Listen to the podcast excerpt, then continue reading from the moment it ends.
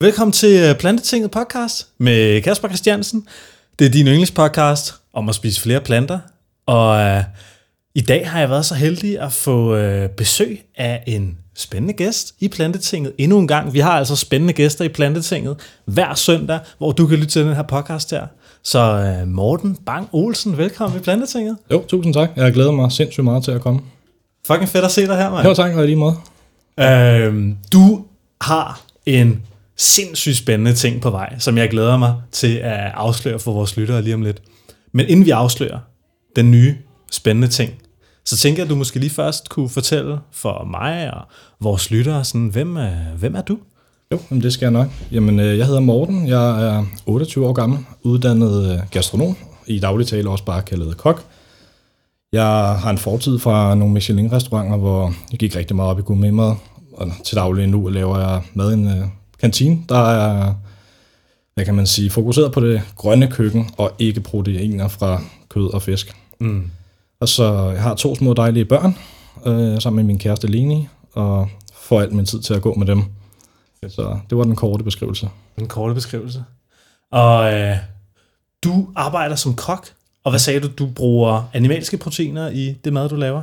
Vores øh, koncept er, at øh, der kun bliver serveret kød en gang om ugen, og fisk en gang om ugen. Mm. Og så er det vegetardage, og nogle gange også veganske dage, vi laver. Og vi laver ikke buffet, vi laver en anden rette ret. Nogle gange med sidetallerkener til i form af nogle salater, man kan vælge. Mm. Men der er ikke alt det der buffet som man kender fra rigtig mange øh, kantiner. Så på den måde kan vi styre, hvad folk spiser, og, og lave det hyggeligt. Okay. Vi serverer lidt mad på på bordene, så det er sådan lidt mere social dining-agtigt. Og det er også det, øhm, den kantine, jeg er i, at det det projektet handler om, fordi vi arbejder med nogle udsatte unge, samtidig med, at vi laver mad. Ah, okay. Hvor er det så, I serverer den mad hen? Det er en kantine i Københavns Kommune, faktisk øh, over på, på Kapelvej. Så det er, en, det er en god blanding af en masse afdelinger i Københavns Kommune. Det er sådan et multihus, der ligger i et gammelt øh, hospital. Okay. Og så, vi så har vi noget, hvad hedder det, børnecenter, borgercenter børn og unge med indover, hvor vi får nogle unge op, som der har en overgang fra, skal skifte fra den ene skole til den anden skole, eller ikke har været i skole i mange år, så får de dem få dem aktiveret, så kan de komme op hos os og være i det omfang, de kan klare det. Og så laver I noget sundt mad til dem? Ja, altså det, det synes vi selv. Ikke? Altså, vi, vi, ikke, vi har ikke et manifest, der hedder, at det skal være fedtfattigt, men vi, fordi det er de samme mennesker, vi laver mad til på daglig basis, så skal du selvfølgelig holde igen med diverse fedtstoffer. Ja, okay. Så. Og øh, jeg tænkte, du lige sådan kunne øh, fortælle mig om, hvad er det for et projekt, du har på vej nu? Jamen, øh, kvæg min uddannelse som, som kok, der, og jeg, dengang jeg selv fik, øh, fik øjnene op for, for det veganske og plantebaserede, der øh, er det vel godt efterhånden et år siden nu, der sad jeg sådan derhjemme og, og tænkte, ah, jeg, vil, jeg savner nogle bøger, som jeg kan, som jeg kan bruge til at måske altså som inspiration til at invitere mine venner på besøg til mad, hvor jeg ikke det handler om en stor ribeye. Øhm, og jeg gik i boghandlerne, og jeg gik på nettet, og jeg kunne ikke sådan finde det helt vilde. Der er masser af virkelig dejlige veganske bøger om hverdagsmad og kage, og som er alle sammen er super gode. Jeg har mange af dem selv også og bruger dem til inspiration til aftensmad. Men der var ikke nogen, som i min verden mindede om mad serveret fra en restaurant. Aha. Så jeg tænkte, at øh, nu skriver jeg til nogle forlag, og så vil jeg gerne lave en bog om vegansk gourmetmad, og det gav jeg så på det. Begge forlag var interesseret, og jeg valgte det, som, som jeg følte var det bedste for mig. Så det, det er det, det kommer til at handle om her i, om en lille måneds tid, når den kommer ud. Så der kommer en bog simpelthen. Hvad ja. hedder den bog? Den kommer til at hedde Vegansk Luksus, og er en bog, der består af nogle små snacks. Der er lidt, øh, der er lidt forretter, mellemretter, større retter, og det, I bogen hedder det hovedretter, men jeg kan kalde det bare større retter. Mm. Og så er der lidt øh, desserter og nogle små ting, man kan spise til, til kaffe, hvis man drikker det. Ah. Så det hele bogen er bygget op som i, at det skal være noget, der kommer fra en restaurant med en menu. Det, det kan være fire retter, fem retter. Hold da kæft. Og det var, ja, det var også det, jeg gerne ville lave, så og jeg skriver det også i bogen, der er ikke nogen af de retter i størrelse, der, er, der kan gøre dig midt i sig selv, så du, det er ikke en bog, man måske skal bruge til, at, til aftensmad inspiration, men det er en bog, du kan bruge som, når du skal have venner på besøg og lave en 3, 4, 5, måske 6 retter, så er det jo bare at plukke ud og, og tage derfra. Så det er sådan, til en lidt mere ambitiøs amatørkok, eller til folk, der bare er virkelig glade for, for madlavning. Nice. Og der er blevet sendt en, øh, en pressemeddelelse ud her.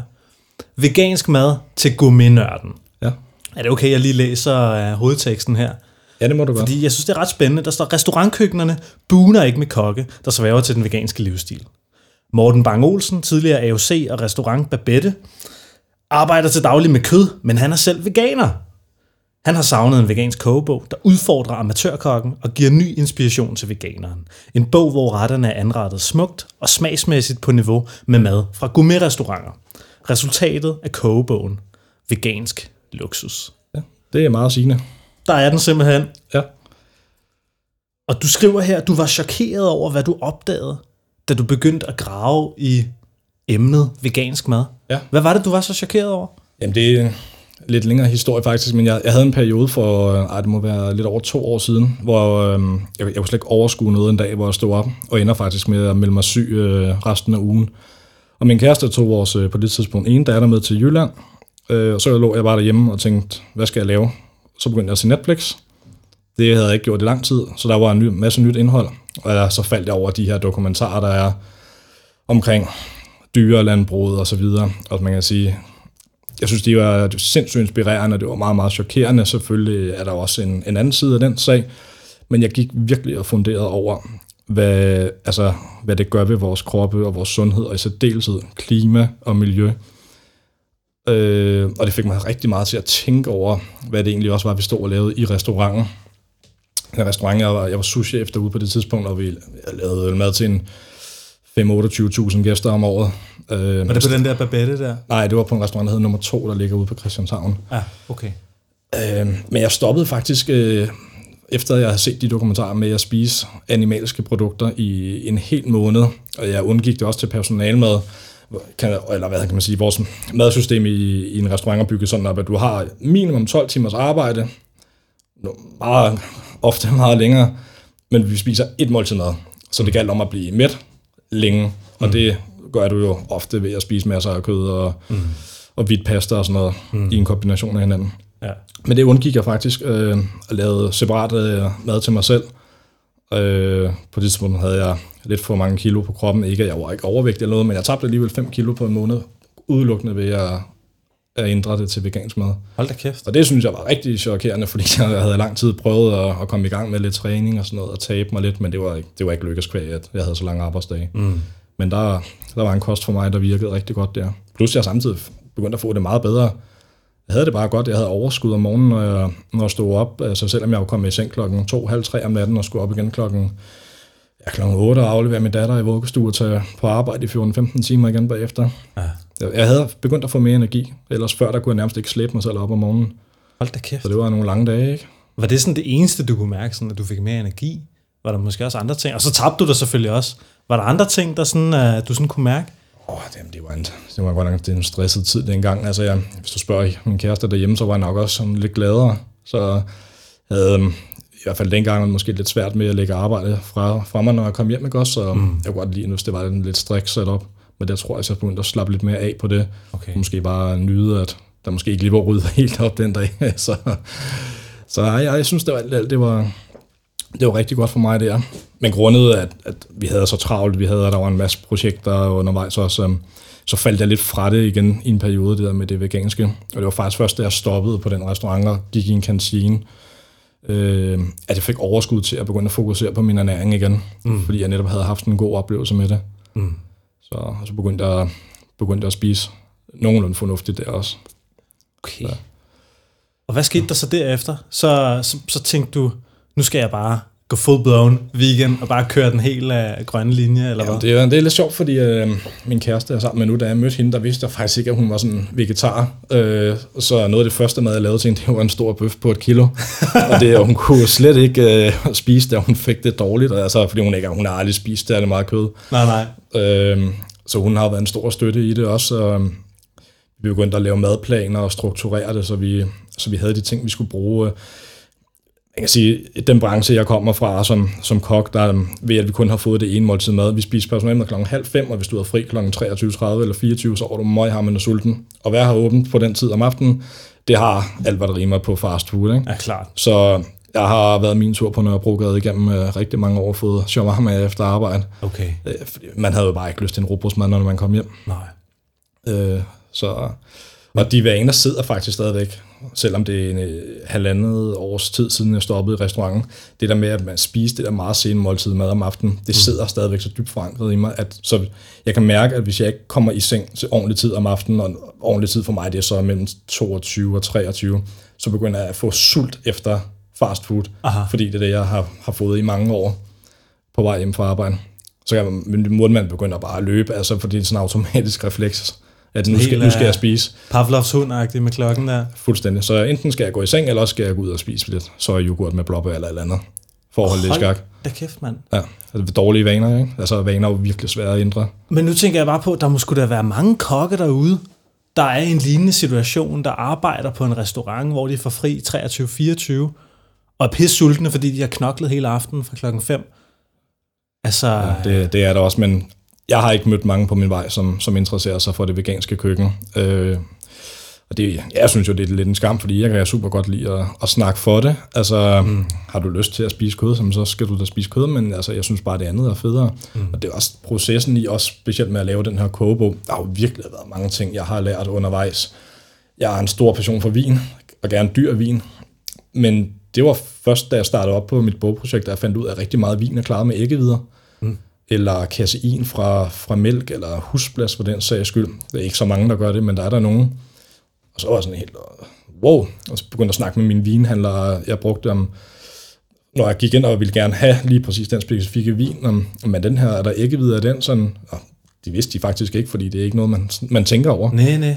Ofte er de bare ufiltreret, men der er rigtig meget vin, hvor de bruger æg til at klare det. Mm. Så det var også lige pludselig sådan et valg, man skal tage det, ikke? og så må du gå, så gå til ufiltreret vin, eller ofte til biodynamisk, ikke? Og, så der var også nogle andre valg der. Hold da kæft, mand. Så der var mange ting øh, i den proces, at jeg lærte det også. Hvad, du, hvad sagde din kokkekollegaer til, at du begyndte at have så mange nye tanker og nye idéer om mad, og, og tage din egen mad med på arbejde? Og, altså, fordi jeg, jeg kunne forestille mig sådan en kokke, kokkedreng der, ikke? Du ved, det er sgu sådan lidt, uh, er det ikke sådan lidt macho og lidt... Åh, oh, det kan man godt sige. Det er, jamen, det er jo altså, en, af de, en af de brancher, som man stadigvæk bygger op, hvor man starter helt nederst i hierarkiet, når du kommer ind som elev fra gaden. Ja. Altså, du får alle lorteopgaverne, og man skal det ene, og man skal det andet. Og man kan sige, kan du holde, kan du holde til det, det psykiske arbejdsmiljø, så lære, kan du lære ekstremt meget af det.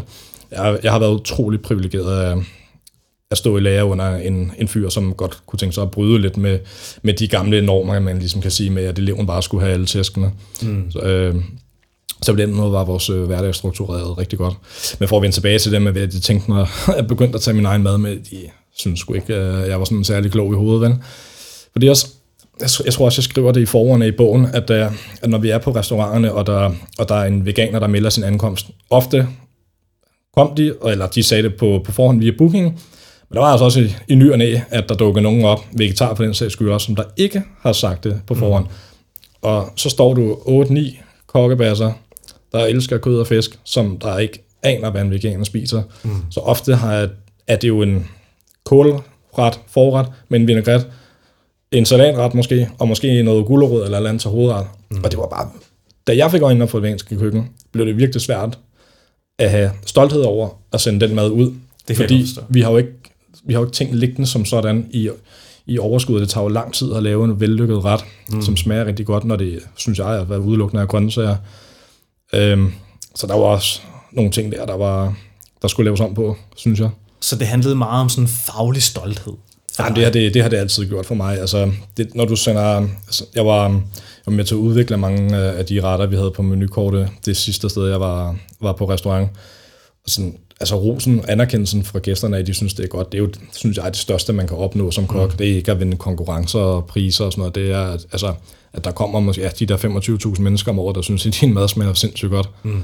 Så, og så er det jo ærgerligt, når der kommer... Fordi i den... Jeg startede i lære i 2008, og i de år, der ligesom er gået, der er det blevet meget normalt, at der kommer vegetarer og ofte veganere. Ikke tilbage i 8 og 9, hvor jeg startede, men her ja, måske fra en 11-12 stykker fremadrettet. Mm. Så, så må man jo tilpasse sig. Og det gjorde du.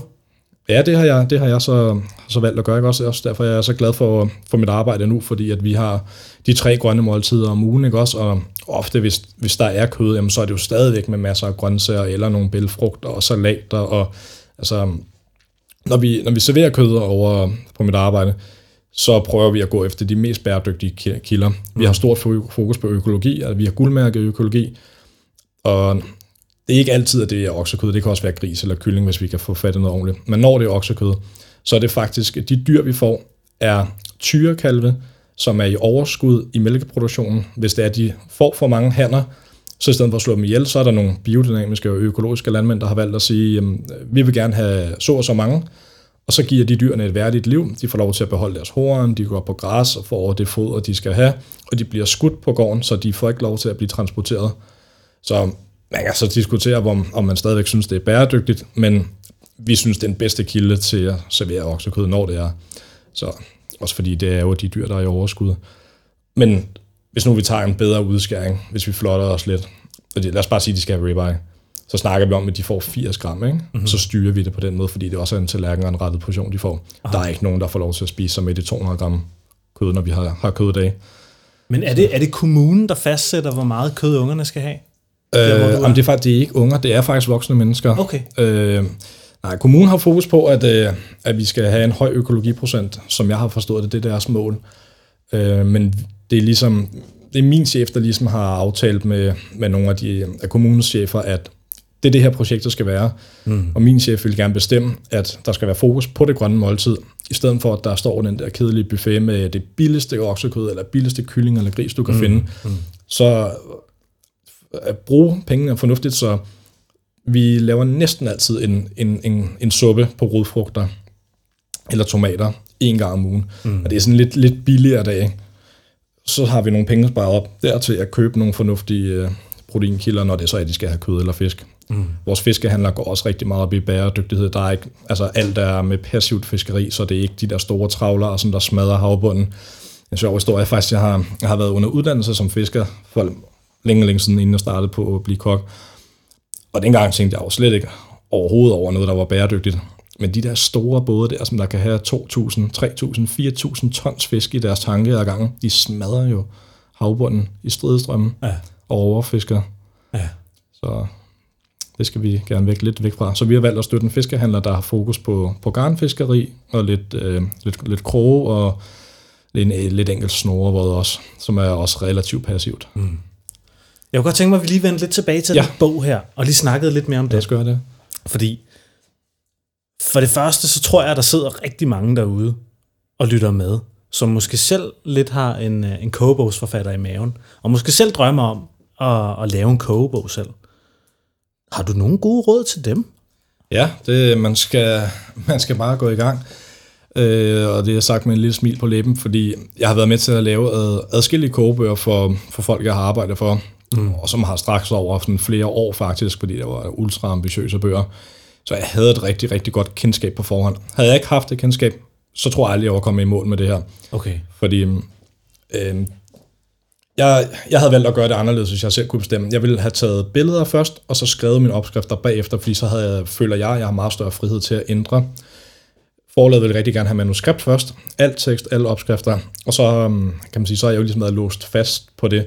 Mm. Så selvom jeg har stået og, og sat tingene sammen derhjemme, eller lige en time efter på arbejdet, så når man står og laver billederne på dagen, vi har taget 94 billeder på 4,5 dage, så det har været rigtig mange billeder, og der kan du måske godt hurtigt se, om der, der er måske noget, der kommer til at ligne hinanden for meget. Så der ville det have været nemmere at gøre det omvendt. Mm. Øhm, men man skal, hvis man gerne vil lave en bog, skal man, øh, man skal sørge for at sætte den tid af, det kræver til det. Mm. Jeg fik tre måneder til at skrive manuskript, og det var også nok. Jeg blev far for anden gang i forløbet, men, men tre uger efter, at, jeg var, at vores anden datter kom til verden, der dør min mormor så. Oh, så der, um, der var nogle, ja, nogle psykiske ting, der skulle arbejde med det også. Øh, hun har været meget stor støtte for mig altid. Så der var, to-tre uger, der lige røg ud af kalenderen fra, fra mit opskriftskrivning på det tidspunkt. Ja. Og det skulle man jo så indhente bagefter. Og det, det tager lang tid. Altså, jeg ved ikke, hvad jeg har brugt på at skrive de der opskrifter. 150 timer måske, for ja. 94 opskrifter. Hold og så er der jo billedshooting ved siden af, og korrekturlæsning. Så jeg har brugt, jeg tror, det projekt, som der er på skærmen der, det er 10 måneder i hvert fald. Og du fortalte mig, at projektet havde jo udviklet sig undervejs. Det Ja. var først en idé, at det skulle være en lille, en lille bog. En lille bog. Ja, det var det. Og så Øh, blev det større. Ja. Hvad skete der der? Jamen, øh, jeg har skrevet til forlaget øh, om det her projekt, og en vegansk gourmet-kogebog, som en pendant til deres, deres andre veganske bøger, og det, det ville de rigtig gerne, men de vil, øh, de vil ikke lave en bog, bog, som har under 75 opskrifter, og jeg kom med de der 50-55 stykker. Så jeg går i gang med at lave nogle flere, og da jeg så kommer ind til det første møde med redaktøren, så siger han så, at øh, de har kigget det hele igennem, og de synes, det ser sindssygt lækkert ud. Om der er mulighed for, at den kan udvides til mellem 90 og 100 opskrifter. Mm. Og jeg tænkte, er flink som jeg er, jo, det kan vi da sagtens. Øh, og det kunne jeg så se bagefter da, under mit manuskriptskrivning, der, at, at den havde jeg nok ikke tænkt over helt øh, godt nok, fordi at det var virkelig mange opskrifter, der faktisk skulle skrives. så, altså, så, men jeg, altså, jeg kom igennem, og det var, det har været super fedt. Jeg har lært virkelig meget af det, Mm. øh, og jeg, jeg vil uden tvivl gøre det igen, hvis jeg fik mulighed for det. Mm. Hvordan øh, adskiller vegansk luksus sig fra de andre kogebøger på det veganske marked? Fordi vi, vi ser jo flere og flere af de her veganske kogebøger. Ikke? Jeg tror, altså, de bliver jo pumpet ud lige nu. Men hvorfor skal folk købe vegansk luksus? Jamen det skal det, fordi jeg synes, det er en, øh, det er en fantastisk bog. Altså den, den går, jeg går meget med op i, at det skal være portionsanrettet det hele, i stedet for med det mere aftensmadshygge, hvor man sætter en stor gryde chili sin carne på bordet. Mm. Altså, um, der er mange opskrifter, som faktisk er, er lidt teknisk svære, så hvis man har lyst til at udfordre sig selv, kunne man gå i kast med det. Kan du fortælle lidt om en teknisk svær opskrift, du har lavet til bogen? Um, den ene er faktisk øh, den, der er der. Det Hvad, er, hvad er det der? Det er en, en ret med en, øh, en svamp, som vi, vi kalder chicken of the wood. Det, det er egentlig en svovlporesvamp.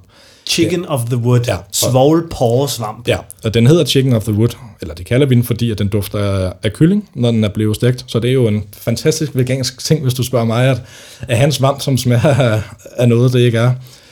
Men, øh, men, men det er en- faktisk en, jeg selv har været ude at finde. Jeg fandt den et, et forår, og gemte den så i min fryser til, til, til efteråret, hvor der skulle tages billeder med netop det fokus. Så man kan sige, det er ikke en svamp, du kan gå ud og købe på et marked, medmindre du kender nogle svampejæger, der finder sådan en. Så og jeg faldt helt tilfældigt over den. Den eneste gang, jeg faktisk har fundet den, kender mange, der, der godt kan finde den, men det er også deres levebrød, det er at gå ud og finde sådan nogle ting i naturen. Og der kan man jo måske prøve at... Hvis man kommer med på nogle svampeture og sådan noget, så kan det også være heldigt, at man falder, falder over en af dem der. Mm. Så er det bare spisløs. Det smager virkelig godt. Ja. Jeg ved, der er faktisk, øh, hvis jeg må sige det, der er mange ude fra Eksberg Have i foråret. Ja, jeg har også set i Søndermarken, fordi Okay. jeg, har, jeg har godt holdt øje med, at der... Jeg ved, jeg er, sådan, jeg er også en type, der kigger efter svampe, når jeg, når jeg løber ikke? Og, og i naturen, fordi jeg synes, svampe er, er mega nice. Og så, så har jeg lagt mærke til, at der er sådan en stor stup, der står ved, øh, ved Søndermarken i den sydvestlige side. Ja. Og så havde jeg set, at der var sådan en stor svamp på træet. Og så lige pludselig en dag, så kunne jeg se, så var der en, der havde skåret det af. Ja. Og så tænkte jeg, og det må, det må sgu da have været den der. Det, altså, den er meget nem at kende, fordi den er helt orange. Mm. Øh, som jeg lige er forstået med, så er der ikke rigtig nogen svampe, der ligner den, man kan tage fejl af, i modsætning til mange rørhætter og sådan noget, de er mm. lidt nemmere at forveksle med hinanden. Ja. Øh, og nej, der er også nogle opskrifter på, på nogle desserter, hvor der er nogle ret præcise mål i, på nogle øh, vegetabilske geleringsprodukter, som, hvor vi nærmest snakker om, at øh, en femtedel af et gram, det kan gøre udslaget i, om den er helt hård eller, eller cremet og blød. Så Hvad er det for nogle... Øh, er det sådan noget desserter? Øh, ja, der er nogle, jeg har nogle opskrifter på nogle panna cottaer, hvor det er jo, panna cotta er jo no- normalt lavet med almindelig husplads, men det kan vi jo ikke, så, så jeg har brugt øh, noget, der hedder Iosa og agar agar og galan, og det er alle sammen geleringsprodukter, der er udvundet af alger, Mm. øh, kan købes online mange steder efterhånden. Man skal være sådan lidt for, forsigtig med det, når man bruger det, fordi at øh, og de er gode til hver deres ting i øvrigt, skal det også lige siges. Iota er rigtig god til, til mejeribaserede ting, og der, og der er det stadigvæk godt at bruge til, hvis du bruger noget havrefræs eller sojamælk, og så de andre er bedre til vandbaserede produkter. Men de, de gelerer sådan lidt på hver deres måde. Sådan lidt. Iota er, ja, den er blød og cremet. Gelan, hvis du bruger det i de rigtige mængder, er den meget hård. Og øhm, der, den kan også blende, så du har sådan en fluid gel bagefter, som øh, det er meget almindeligt i, i restaurantkøkkenerne, at man tager syltet rubede lage. Det er jo som regel bare eddike, sukker og vand. Så gelerer du den og blender, og så har du en geleret syltelag. Smager sindssygt godt. Nå. Så på den måde kan du faktisk også få brugt dine lager, i stedet for bare at skal smide dem i skraldespanden, hvis du ikke har mere at bruge dem til. Vi bruger det også nogle gange til smørbrød faktisk over på, på kantinen. Vi har altid et vegetarisk, øh, et vegetarisk alternativ på daglig basis, hvis der er animalske produkter. Aha. Så, og der, jamen, der er sådan nogle små ting i, i bogen, som der er rundt omkring. Øh, måske ikke er lyde teknisk så svære, men når man lige har prøvet det et par gange, så synes jeg, det er okay. Men nu tænker jeg, okay, du, du, du siger, der er geleringsprodukter fra alle mulige alger, ja. og vi skal ud i skoven og finde uh, chicken of the wood. Ja. Altså, er der andre sådan ting i den her bog her, hvor vi skal ud og, og finde nogle sindssyge produkter for at kunne lave den her, de her retter her? Øh, nej, det er der ikke, fordi bogen er lavet med det fokus på, jeg kalder det den rene råvarer, så jeg, altså med undtagelse af de der geleringsagenter, så um, har jeg faktisk ikke som sådan, som jeg husker det, nogen erstatningsprodukter i. Så der er ikke for eksempel øh, sojaerstatningskød i bogen, med undtagelse af en enkelt opskrift, hvor jeg har brugt noget granulat til sådan en aromatisk sauce. Mm-hmm. Øh, så det er den mere rene råvarer. Og så, altså, du kan ikke gå ned i Irma og købe det, fordi at der er nogle få ting. Der er blandt andet også noget, der hedder Santana, som er en, en jævningsagent, kan man godt kalde det, som er... Ja, hvad er Santana? Jeg har, jeg, det står i bogen, det er noget med, at det er noget bakterie fra noget fermenteret majsagtigt. Og det har en eller anden sindssyg evne til at, til at binde ting sammen. Øh, og jeg bruger det meget i nogle, øh, i nogle saucer til forretterne, fordi i stedet for, at det bare er, er tyndt som vand, så hvis du bruger det rigtigt, så er det stadigvæk næsten lige så tyndt som vand, men fast nok til, at du kan få det op med en gaffel eller en ske, når du spiser det. Aha. Men stadig læskende i munden. Hvor har du fået al den her inspiration fra? Altså, hvor, øh, hvor har du lært om alle de her små ting, som jeg aldrig nogensinde har hørt om i hele mit liv? Jamen, det har jeg jo faktisk de fleste af de restauranter, jeg, jeg har arbejdet på igennem min karriere. Jeg, øhm, jeg som sagt kom jeg fra nogle af de der Michelin-restauranter, og det var der, jeg, jeg lærte rigtig mange af tingene. Øh, specielt på fra restauranten AOC, hvor jeg er uddannet fra også, tilbage i 2012. Men jeg, jeg har faktisk også været en tur i New York og arbejdet udelukkende med desserter. Det passer med, øhm, da jeg var i lærer, der havde, jeg, havde vi altid ferie i hele juli måned, og der tog jeg ud og rejste, mens jeg var der. Så jeg, jeg var i New York den ene gang, og i Stockholm den anden gang. Mm. Men turen til New York, det var, øhm, det var udelukkende for at lære om, om at arbejde med sådan nogle produkter. De havde to hylder af 4 meter med små bøtter med alt muligt knald, man kan, der kan lave de vildeste reaktioner i mad. Ikke, altså ikke farligt eller noget, men jamen, han, det, var, det var så sindssygt. Altså, de lavede rejenudler, og vi lavede sådan nogle små øh, puddings på desserter med et produkt, som jeg tror ikke engang, man kan få det i Danmark, men det var geleret på den vildeste måde i din mund, så du, når du spiste altså, det var, det var, det var, virkelig, det var virkelig en fornøjelse at, at prøve at lære, at lære sådan nogle ting. Mm. Men da, altså, da jeg så kom hjem til Danmark og tænkte, ah, nu skal vi lave det her, og nu skal vi lave det her, så fandt jeg så også ud af, at mange af de produkter kan man slet ikke få i Danmark, fordi at det, det er ikke lovligt øh, af, af den ene eller den anden årsag. De, de firmaer, der laver, der laver sådan nogle produkter, må ikke sælge det til restauranter i Danmark. De må godt sælge det til noget i USA, og så kan du så købe det hjem derovre fra, men det var en omstændig proces. Hold da kæft, så, Men der er sådan nogle ting, som dem vi lige snakker om, Santana, Gelan, Agar, det var faktisk noget, øh, den forhåndværende øh, verdens bedste restaurant, El Bulli, introducerede til, til restaurantkøkkenerne. Også sikkert mange af dem, der lytter med, kender en, en flødeskumsprøjte, også kaldet en sifonflaske. Mm-hmm. Øhm, det var også noget, de begyndte at, bruge tilbage i 90'erne og start 0'erne, og det er noget, alle restauranter benytter sig af den dag i dag. Og alle teknofester benytter sig af den dag i dag. Ja, det, det, det, det er sjovt, du siger det, fordi jeg cykler igennem Nørrebrogade øh, øh, hver dag, når jeg skal på arbejde. Og specielt mandag morgen ligger der rigtig mange af de der gaspatroner. øh, og det er blevet en stor fest for folk. Ja, ja. De siger, de får, jeg har aldrig prøvet det, så de siger, de får sådan en kick af det kortvejle. Ja, ja, ja. Så, men det er også sådan små farligt, hvis nok. Ja, man kan, ja. Nok, øh, man kan nok blive lidt småkvalt. Jeg, jeg, har, ja. jeg har selv prøvet det, det er meget sjovt. Nå, men, okay. Jamen, der kan man altså, det, men det er sgu ikke... Øh, jeg, tror, jeg synes ikke, det er pengene værd. Nej, okay. Ah, fordi de, de er også det, de er ret dyre, de der patroner, så så, men nej, men det var, det var sådan nogle steder, jeg har, jeg har lært at bruge det, bruge det fra. Mm-hmm. Øh, og så er det noget, man tager med sig videre, fordi det, i hvert fald i, i det nordiske køkken, er det meget almindeligt brugt, de der forskellige øh, agenter der. Fordi de er gode til alt muligt. Gelan og akker kan også holde til at blive, blive varme, så man kan lave, øh, hvis du støber en, en stor rødbedegelé for eksempel i en bøtte, kan du skære den tyndt, tyndt ud på en pålægsmaskine, at tror nærmest, du kan skære den i en halv til en hel millimeter, uden at det knækker, og det kan tåle at blive en 50-60 grader, så det er noget, du faktisk kan bruge på varme anretninger også. Hold da kæft, Så det, det er lidt, øh, ja, derfor vi bruger det, fordi det er sjovt. Morten, hvor, hvor kommer den her passion for mad fra? Øh, det er faktisk et godt spørgsmål. Jeg har altid godt kunne lide at lave mad derhjemme, men jeg, efter folkeskolen, der, der var det ikke lige kok, jeg troede, jeg skulle være. Jeg startede på noget grundforløb som tømmer. Øh, det var også skideskægt, men det var ikke der, min passion lå. Mm. Så troede jeg så efter det, at jeg skulle, øh, skulle være fisker. Og det satte jeg super meget pris på, men der var nogle andre ting i mig, som noget med en kæreste, kan jeg huske, som der gjorde, at det havde jeg ikke lyst til alligevel. Mm. Og så gik jeg faktisk i et halvt års tid, og ikke vidste, hvad jeg skulle lave.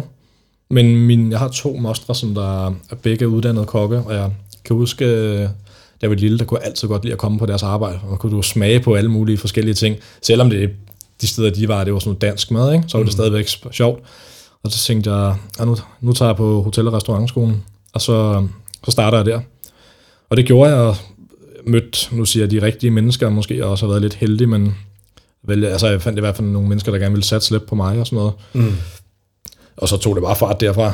Nå, Jeg arbejdede det, det meste af mine 20'ere, øh, er nærmest uden fridag i mange, mange år i træk, og fordi det bare var fedt. Altså, man siger jo ofte, at det er en livsstil at være kok, og det, altså, det er det også. Altså, mm. det er det, eller også så er det, er det ikke, fordi altså, jeg måtte også erkende, efter jeg fik mit første barn, at det der med at være i en, i en ambitiøs restaurant og arbejde ja, fem til seks dage om ugen, og så kun have fri om søndagen, og der er du alligevel smadret. Altså, det, det går ikke med en familie. Det, det, det, der er nogle mennesker, der kan få det til at lykkes, men det, det kunne jeg ikke. Nej. Så, men passionen er der stadigvæk for maden, og det var også derfor, jeg gerne ville, ville lave det her bogprojekt, fordi det, jeg gerne ville lave noget, der var, der var mit, der kunne inspirere en masse andre. Altså, også, jeg, jeg er stor fortaler også, altså igen for det veganske, jeg punker måske min familie lidt for meget oven i hovedet nogle gange med det, og der, der er nogen, der ryger lidt meget og sådan noget, altså fred være med det, og har, har usunde spisevaner, synes jeg, men de tager det sgu sådan med et smil, og de synes også, det er super fedt, at jeg har valgt at kaste mig ud det her. Så. det er fandme fedt, Morten. Jeg, øh, jeg glæder mig til at, at kigge nærmere på den bog der. Hvornår er det, den udkommer? Øh, den præcise dato ved jeg ikke med sikkerhed, men øh, man kan få den leveret fra boghandlerne den 28. februar. 28. februar. Ja. Så kan du altså gå ind. Du kan allerede nu gå ind og forudbestille den. Ja, Hvor det man. Øh, jamen, hvad hedder det? Arnold Busk og alt de gængse boghandlere kommer til at have den.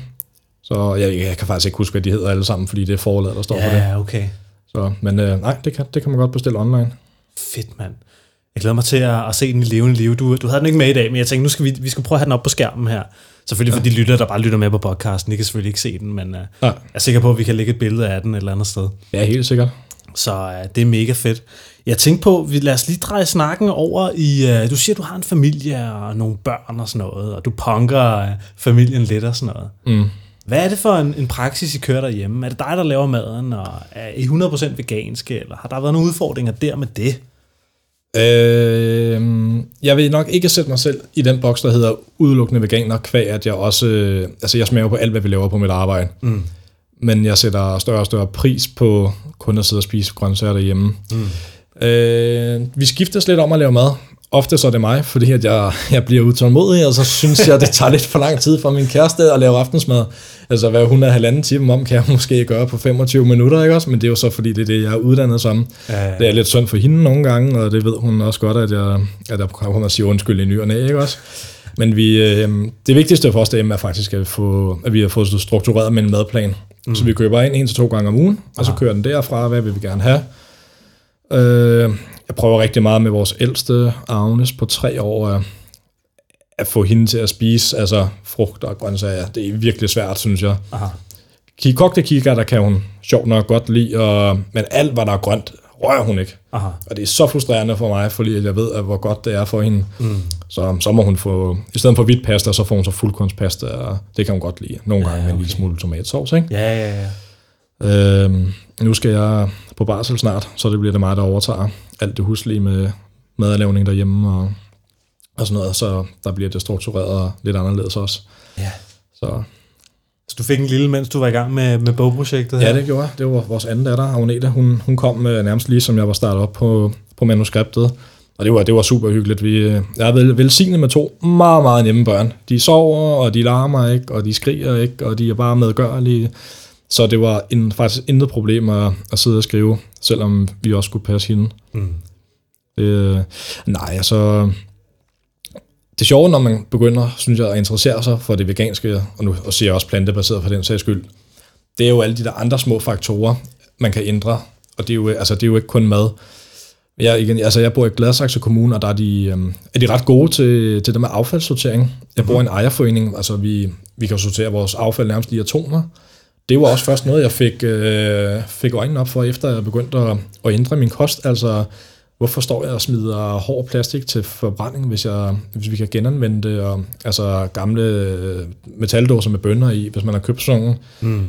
Skyld dem kort vej, smid dem til genbrug også, ikke? Altså, mm. Så der kørte jeg ud i IKEA og købte 3-4 nye skraldespande til os, så vi kunne få affald sorteret. Ja.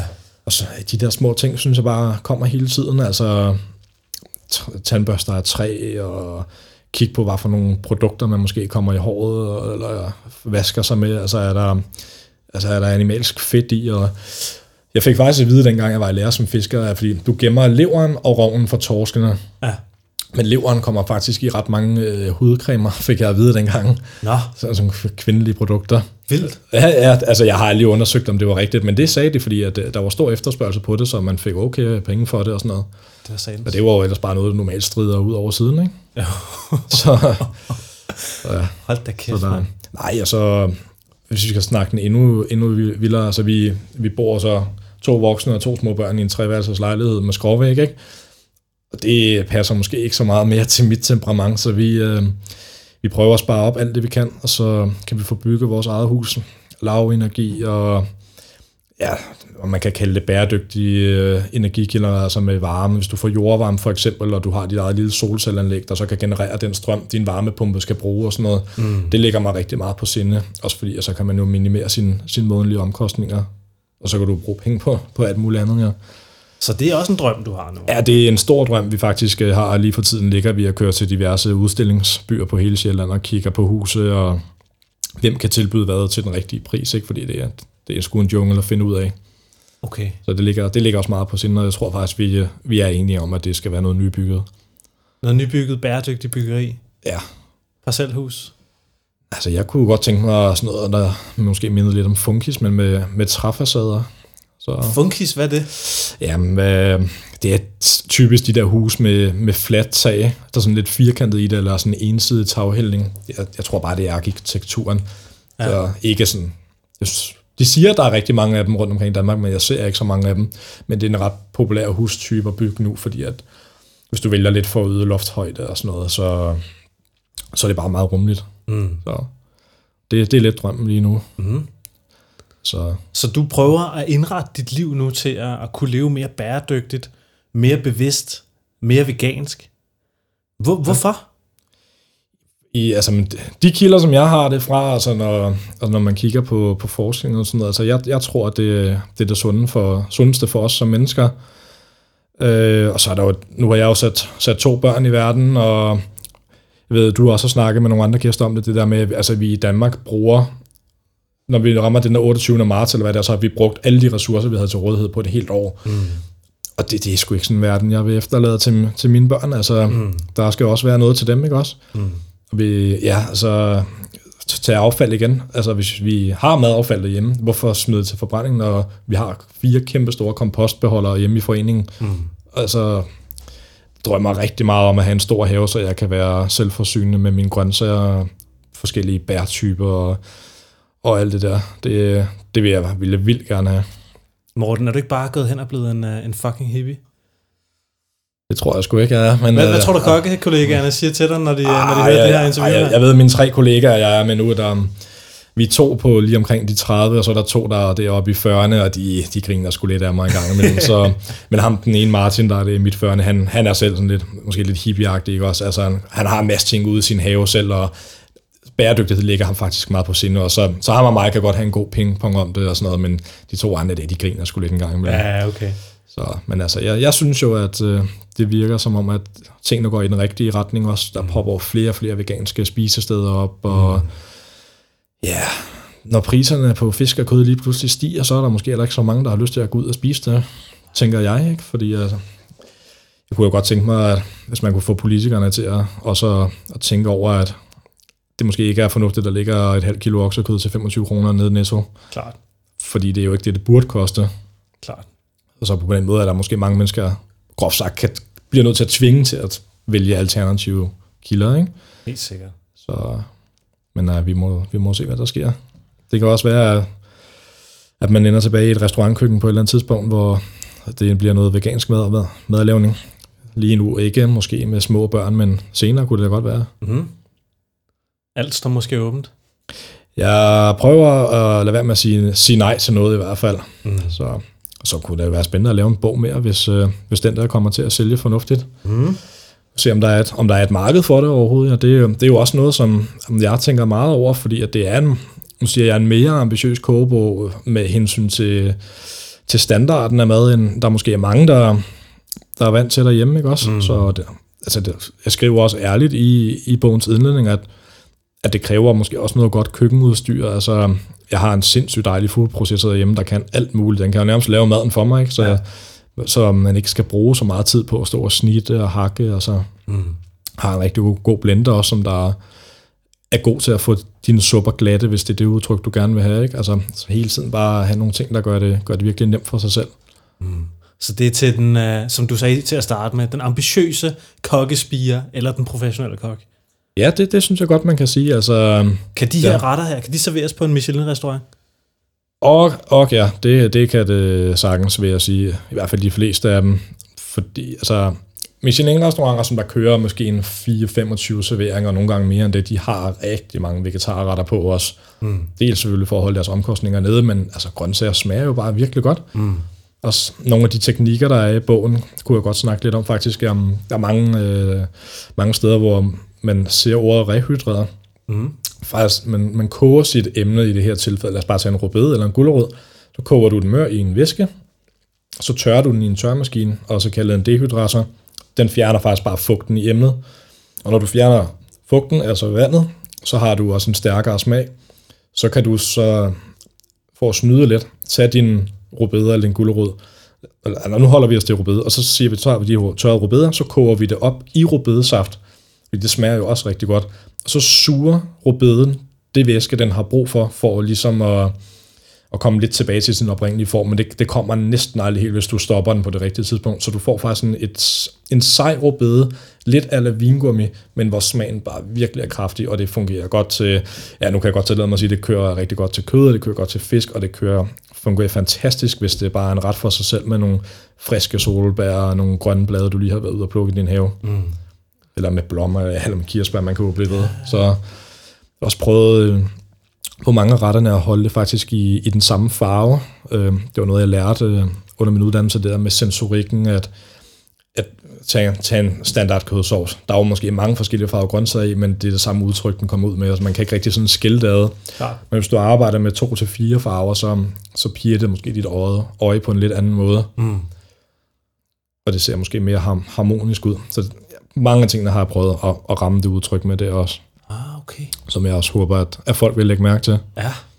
Fordi der, der er mere arbejde i det, end man måske umiddelbart nogle gange kigger på, på, på billederne. Ikke? Så, Ja, jamen, jeg kan godt høre på dig, der er Ja. meget, uh, meget små, små detaljearbejde ja, i alt vi, det der. vi kalder det jo i, i branchen uh, pincetmad, når det er de der helt små indretninger. Det, det synes jeg dog ikke helt er her. Altså, der er nogle, nogle små finurligheder på, på nogle af de snacks, man finder i det første kapitel. Så, Mm. Men sådan, det er også okay. Det må, det må der gerne være lidt pillearbejde i. Man skal jo kredse om sin mad og give lidt kærlighed. Hvis der sidder nogle professionelle kokke derude og lytter med til det her, og, og måske er ved at få øjnene op for, at det her, det måske er en trend, man skulle overveje at gå lidt mere seriøst til. Nu har du øh, skrevet vegansk luksus, og, og, og siger, prøv at høre her, vegansk mad, det kan være seriøst lækkert. Hvad, ser, du, ser du nogle, nogle bestemte madtrends inden for det her felt her? Altså, hvad, hvad, er der noget, vi skal holde øje med i fremtiden? Hvad tænker du? Øhm, ej, jeg synes helt klart, man skal holde øje med, med det veganske køkken, fordi altså, i, i de få år, hvor jeg sådan virkelig har taget det seriøst, der synes jeg, det er poppet op med spisesteder. Øh, jeg var, var lavet en vegansk middag faktisk øh, for et stykke tid siden med mine ene kollegaer der, øh, for nogen, der godt kunne tænke sig at åbne en vegansk restaurant, og så ville vi gerne, for at måske vise dem, hvad det kunne være, lave ikke et udkast til deres menu, men ville gerne vise dem, hvordan det kunne være, fordi at de ville gerne måske lave noget andet end en café, Øh, og så hyggede vi os rigtig meget med det, og de var meget overrasket over, hvad man, hvad man faktisk kunne, og også fordi, at du ikke har de dyre, de dyre emner på, på kortet, som kød og sådan noget, så mm. du kan holde priserne super venligt. Mm. Selvfølgelig skal du stadigvæk tjene penge, ikke? men ja, deres projekt faldt desværre lidt til jorden. Det var noget med deres lokaler og sådan noget. Aha. Men øh, jeg håber da, at vi ser mere, mere, mere sådan noget i fremtiden. Om der kommer til at være en gourmet-restaurant, der er udelukkende vegansk, det håber jeg da på et tidspunkt. Mm. Jeg ved, at der er meget fokus på det ved diverse madfestivaler også. Der er nogle, nogle øh, nu siger jeg gamle Noma-folk, ved jeg, som der er gået selvstændigt, der, der dyrker sådan noget med fermentering rigtig meget også, hvor du virkelig kan ændre udtryk i, i dine grøntsager til nærmest at være sådan helt paste-agtige, umami-paste-lignende ting. Mm-hmm.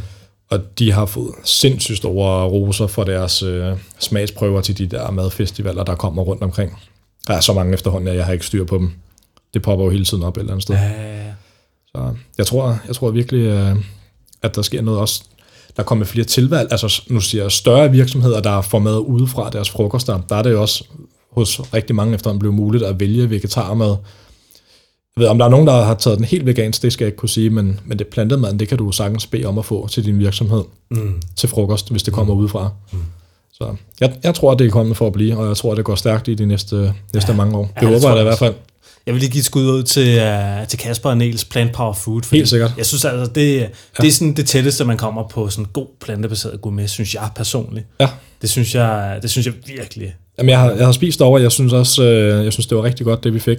Mm. Det var, ja, det var i, ja, her i sommer, hvor det var sindssygt varmt også. Det var helt perfekt at sidde og spise nogle lette anretninger, uh. hvor du bare ikke bliver banket tilbage til, til stenalderen bagefter. så er det også øh, er det de retter, du har lavet her, bliver man heller ikke banket tilbage til stenalderen, når man... Uh... Hvis du spiser 10 af retterne, så tror, så tror jeg, at du måske skal over og en lille lur, men, mm, men altså, kommer måske også an på, hvordan folk sammensætter det. Der er en hovedret for eksempel med et saltbak hvidkål med den der um, aromatiske sauce på noget sojagranulat, hvor det er en ret kraftig grøntsagsfond, som der bliver kogt meget, meget langt ned, så den virkelig er intens. Mm. Altså der kan du måske godt føle dig meget midt på, på smagsoplevelser bagefter, mm. men det er ikke som i den der, man skal over have en lur bagefter. Nej, nej, okay. Så, så skal du måske i hvert fald spise meget af det. Ja, ja, ja. Fedt, mand. Ja. Det er fandme fedt at høre... Uh alt det her smånørderi med, øh, med vegansk mad fra en professionel kok. Har du, øh, hvis der sidder nogle små kokkespiger derude, som måske øh, overvejer at blive veganske kokke, eller måske tage på hotel- og restaurantskolen, eller nogen, der går der og føler, at de ikke rigtig bliver set, fordi de er veganere. Du ved, hvad skal man gøre, hvis man gerne vil det her, og måske er ung? Ikke? Jeg ved, der er mange unge, der lytter til planteting, som måske ja. selv har sådan en vegansk kok i maven, men ikke rigtig føler, at de kan få en, en rigtig vegansk kokkeuddannelse nogen steder. Hvad vil du sige til dem? Øh, det er helt sikkert, de skal, de skal tro på dem selv, og det valg, de har taget for dem, er, er det rigtige. Altså, nej, det er jo, man kan jo ikke blive uddannet som vegansk øh, kok, fordi du, ja, det er jo virkelig et fåtal af restauranter, der, der er. Men hvis du kan komme ind i lære på, på de steder, der er, så er det da helt klart øh, der, man skal søge hen. Mm. Og så er det jo bare, jeg lærte rigtig meget af at, at hygge mig med at lave mad derhjemme, når jeg havde fri. Mm. Altså, der er en teknik i bogen også, der hedder sous vide, som egentlig går ud på, at du har et, en ting, der bliver vakuumeret, og så bliver tilberedt i et vandbad af en termostat, som kan holde meget, meget specifikke grader. Mm-hmm. Øh, og det var noget, der blev rigtig moderne, fordi at øh, så kunne alle jo lige pludselig lave et perfekt stykke øh, lyserødt øh, oksekød, eller kylling, eller fisk for den sags skyld. Øh, så det blev lige pludselig meget nemt at køre service, altså når at lave mad til gæsterne om aftenen. Mm. Så jeg lærte ikke at, at, at stege ting på den der gammeldags måde med, at du bruge af på en pande ind i en ovn og trække og sådan noget. Det var noget, jeg måtte stå og lære derhjemme. Så det, øh, det synes jeg, man skal prøve at også at gøre. Altså mm. jeg bag et selleri i 5 timer for eksempel på 180 grader, så se hvad der sker med det. Ja. Og leg med det derfra. Ja. Og inspirere sig selv på den måde.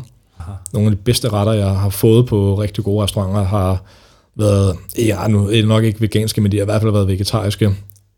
Og det, det sætter jeg virkelig stor pris på. Så det er bare keep up the good work, og så tro på sig selv. Helt sikkert, mand. Så lad være, så man kan også tillade at sige, at bare, når folk kommer med lort til en, så bare lad det ryge ud igen på den anden side. Fordi man vil, man vil nok møde noget modstand fra sine kollegaer langt hen ad vejen. Ja, ja, ja. Så. Men det, det, det er det fede ved, at jeg interesserer mig for det her køkken, at vi på min arbejdsplads, at vi deler sådan lidt op med, hvem vil gerne lave hvad i den her uge, og så videre. Så jeg, i næste uge, når det så bliver min tur, der skal vi have en vegansk tagine med couscous og blomkålsris, og så kan jeg jo lave det, som jeg har lyst til det. Skære alt det der snask der væk. Og ofte, når jeg gør det, det er ikke noget, vi sådan, sådan reklamerer for, men der er ikke nogen, der kommer og siger, det her, det var godt nok noget mærkeligt noget. Okay. Heller ikke, altså der er, en, der er ikke så mange mænd derovre, men der er måske en 15 stykker, og, og nogle af dem er rigtig glade for kød, mm. men de brokker sig aldrig over at have fået vegetarisk mad. Okay. Og vi har jo faktisk engang lavet en, en vegansk, øh, en vegansk taco til dem i, en, øh, i et spidskålsblad, hvor min, det var så min kollega, der lavede det. Han tog masser af grøntsager og ristede, ristede, ristede, ristede meget, meget længe. Øh, de troede skulle det var kød, fordi det var så intenst. Så der var ikke nogen, der kom og sagde, ja, vi har savnet kød i dag. Nå, Så, men vi har, vi har ikke sagt til dem, at det faktisk var, var vegansk mad den dag. Det var, det var sgu ret sjovt. så, øh, så det kan man altså godt. Man kan godt snyde, også bare med grøntsager, fordi jeg hører mange, der snyder med det der sojagranulat. Og sådan. Ja. Åh, oh, men de troede, det var kød, og så var det sojagranulat, ikke? Men du kan også bare snyde med helt almindelige planter. Ja, det, det, det synes jeg. Altså, fordi det handler om at få alt det der umami frem i dem. Mm. Hvordan gør man det? Ja, stejning og stejning og, og stejning, og selvfølgelig skal det, hvis du, altså svampe er jo det, som der må være allermest umami-rigt. Også noget, noget tang, tomat også for den sags skyld. Mm. Hvis du ligesom koncentrerer den smag ved stejning eller dehydrering, så er det jo, du virkelig får de der komplekse noter. Mm. Øh, ja, øh, som sagt før, fonger, øh, grøntsagsfonger kan du også koge rigtig, rigtig langt ned. Der er også der er kommet nogle fornuftige nogle ude i butikkerne. Jeg har i hvert fald selv haft brugt sådan en grøntsagsglas. Nu kommer sådan nogle små breve til 15 kroner, som smager sindssygt meget, men og der er også rigtig meget salt i, skal lige siges. Men det er stadigvæk bare lavet på grøntsager. Så Vildt. det, det, kan, det kan man sgu sagtens. Fedt. Fantastisk at høre. Så, så, så du kan få en komplet lækker, 100% dyb, opløftende, sensorisk smagsoplevelse med vegansk luksusmad. Det er jeg helt enig med dig i, det kan man sagtens. Og det, det er jo bare et spørgsmål om at, at gide at lave det, og undersøge det. Og, og igen, altså, jeg lærte jo meget i processen også. Mm. Faktisk, øh, da jeg startede op på, øh, på at udvikle mange af de opskrifter i den bog, der, der havde jeg ikke prøvet at lave en soja mayonnaise før, for eksempel derhjemme. Okay.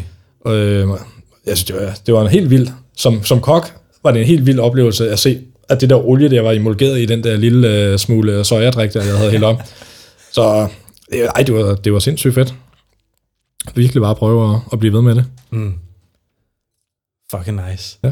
Super, super nice. Hvad det, det hedder, Morten? Hvis man sidder derude og måske synes, at det kunne være spændende at hyre dig til at lave noget mad for dem, eller, eller er det noget, man kan? Ja, det kan man sagtens, fordi at, øh, jeg har faktisk et lille caterfirma, øh, hvor jeg laver mad. Og der, der lærer, må jeg være eller, ærlig at sige, at jeg, jeg laver det mad, som folk gerne vil have. Mm. Øh, men jeg har faktisk været i Gilleleje med til 14 mennesker, der gerne vil have lidt, sådan lidt kokkeskole, vegetarisk, dog med et enkelt stykke fisk til hovedretter. Men det sjove var, øh, at verdens søn er veganer, så jeg lavede faktisk det hele vegansk med undtagelse af, af de fleste hovedret, der skulle have et stykke fisk på. Mm. Og det, var, det var jeg også ærlig over for dem at sige, øh, det, det gør vi altså bare det her, fordi øh, de skulle selv lave, øh, lave meget af det, og der var ingen grund til at skulle lave separat mad til en person hele vejen igennem. Nej, nej, nej. nej. Så de fik øh, faktisk en vegansk middag, skråstreg, kokkeskole, og så øh, er der flere, der har spurgt mig efter vegetariske konfirmationer, om det er noget, jeg gider og har lyst til, og jeg synes bare, det er fedt, og det er jo så børn, der er i de der 14-15 års alderen, mm. så det virker som om, at i den aldersgruppe der, er der, er der rigtig meget fokus på det nu. Ja, ja, ja. Øhm, om det er noget, de, jeg tror ikke, det er noget, de lærer skolerne, men det er da, det er da fedt at, øh, at se, at det vokser nedefra og op. Fordi at, 100 procent. jeg har da i hvert fald ikke knas med mine egne forældre, at de gider sgu ikke at, at høre på alt sådan noget der med, Nej, nej, nej. med kødfrit, så det må, det må nok starte nedefra. Ja, men det gør det. Jamen, det er, jeg bliver altid imponeret over de unge. Og de der, når Ja. man møder teenager, ikke, hvor man sådan, hold da kæft, mand. Altså, dengang jeg var de der 16, 17, 18 år, altså, der, der drønede jeg rundt med, med hovedet op i røven, ikke? Ja, jamen, det gør man, eller det, det gør de sikkert også stadigvæk for den sags skyld, men øhm, ej, jeg synes, det, det er virkelig, jeg er, også, jeg er meget positivt indstillet for, for restaurantscenen i de, i de kommende år. Altså, det skal jo sige, der åbner enormt mange forskellige restauranter i, i hvert fald København øh, på årsbasis, men der lukker desværre også lige så mange igen, fordi konkurrencen er blevet så hård. Mm. Øh, men ja, med et større fokus på det plantebaserede, så, så håber jeg i hvert fald, at, at der er flere planterestauranter, der, der kan få det til at køre rundt. 100 procent. Fordi altså torsk, det kan de fleste skulle lave, men at lave nogle virkelig velbalancerede grøntsagsretter, Det, det tror jeg er sværere for mange, end man måske umiddelbart lige regner med. Ja. Så vi må se, hvad der sker. Vi må se, hvad der sker en gang i fremtiden. Ja. Morten, øh, hvis man øh, gerne vil have fat i dig, eller hvis man gerne vil i kontakt med dig, eller følge dig, måske du har noget sociale medier eller eller andet, hvor kan man, øh, hvor kan man følge dig hen? Ja. Finde dig hen? Øh, jamen, jeg har min, øh, min Facebook, du går nok bare en, øh, en privat øh, Facebook, hvor jeg hedder Morten Bang, og så er det Hergud Olsen faktisk. Mhm. Og så har jeg en Instagram, der hedder, hvor jeg hedder Morten Hergud. Jeg har faktisk i overvejet mange gange i forbindelse med, med mit bogprojekt, at lave en separat Instagram-konto. Øh, det kan være, at jeg gør det, så kan man jo kigge efter vegansk luksus og skrive til mig der, hvis det kan være, at der er nogle opskrifter, der driller, fordi det er måske en af de lidt svære, eller nogle ting, man ikke forstår, så, så kan man prøve at fange mig der. Fedt. Så skal man bare skrive. Cool. Har du noget, du sådan lige afslutningsvis vil, vil tilføje, inden vi lige så stille lukker ned for dagens uh, podcastprogram? Øh, nej, jeg synes, at øh, selv hvis der sidder nogle skeptikere omkring øh, plantebaseret mad og alt sådan noget, synes jeg, at de skal, de skal prøve det i en længere periode. Altså at se øh, på deres egen krop, hvad der sker. Jeg for nylig begyndt at, at motionere rigtig meget, cykling indendørs. Og uanset hvor hårdt træning har været, har jeg, har jeg faktisk lagt mærke til, at jeg har aldrig nogensinde decideret ondt dagen efter. Og jeg er nærmest heller ikke øm, fordi at jeg har større fokus på kulhydrater end proteiner efter træning nu. Så det kunne måske være en lille mulighed.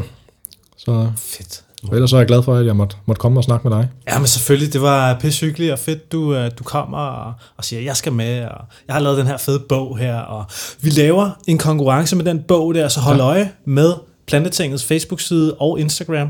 Der kommer vi til at lave en lille konkurrence, hvor vi kommer til at udløje Ja. vegansk luksus i Plantetinget. Det glæder vi os til, så, ja, så hold skarpt øje.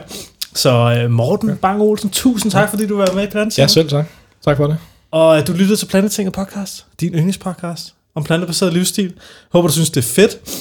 Håber, du blev inspireret. Håber, du blev lidt klogere på vegansk mad, og hvordan du laver noget super hammerende lækker vegansk mad. Det kan du altså tjekke ud i den her bog her, Vegansk Luksus, når den kommer i starten af marts måned. Og du kan allerede forudbestille den på nettet og få den 28. februar. Det er mega fedt. Del det på de sociale medier, lige tag et billede, et screenshot af, af din podcast-app, eller del det på Instagram eller Facebook, eller sig det til dine venner og sige, hey, jeg lytter til Plantetinget. Det er mega fedt. Tjek det ud. Vi bliver kloge. Vi bliver klogere for hver dag, for hver søndag, der går. Vi udkommer hver søndag. Det er mega nice. Du skal have tusind tak for, at jeg måtte have en tid, en times tid sammen med dig, kære lytter. Kan du have en dejlig dag. Hej hej.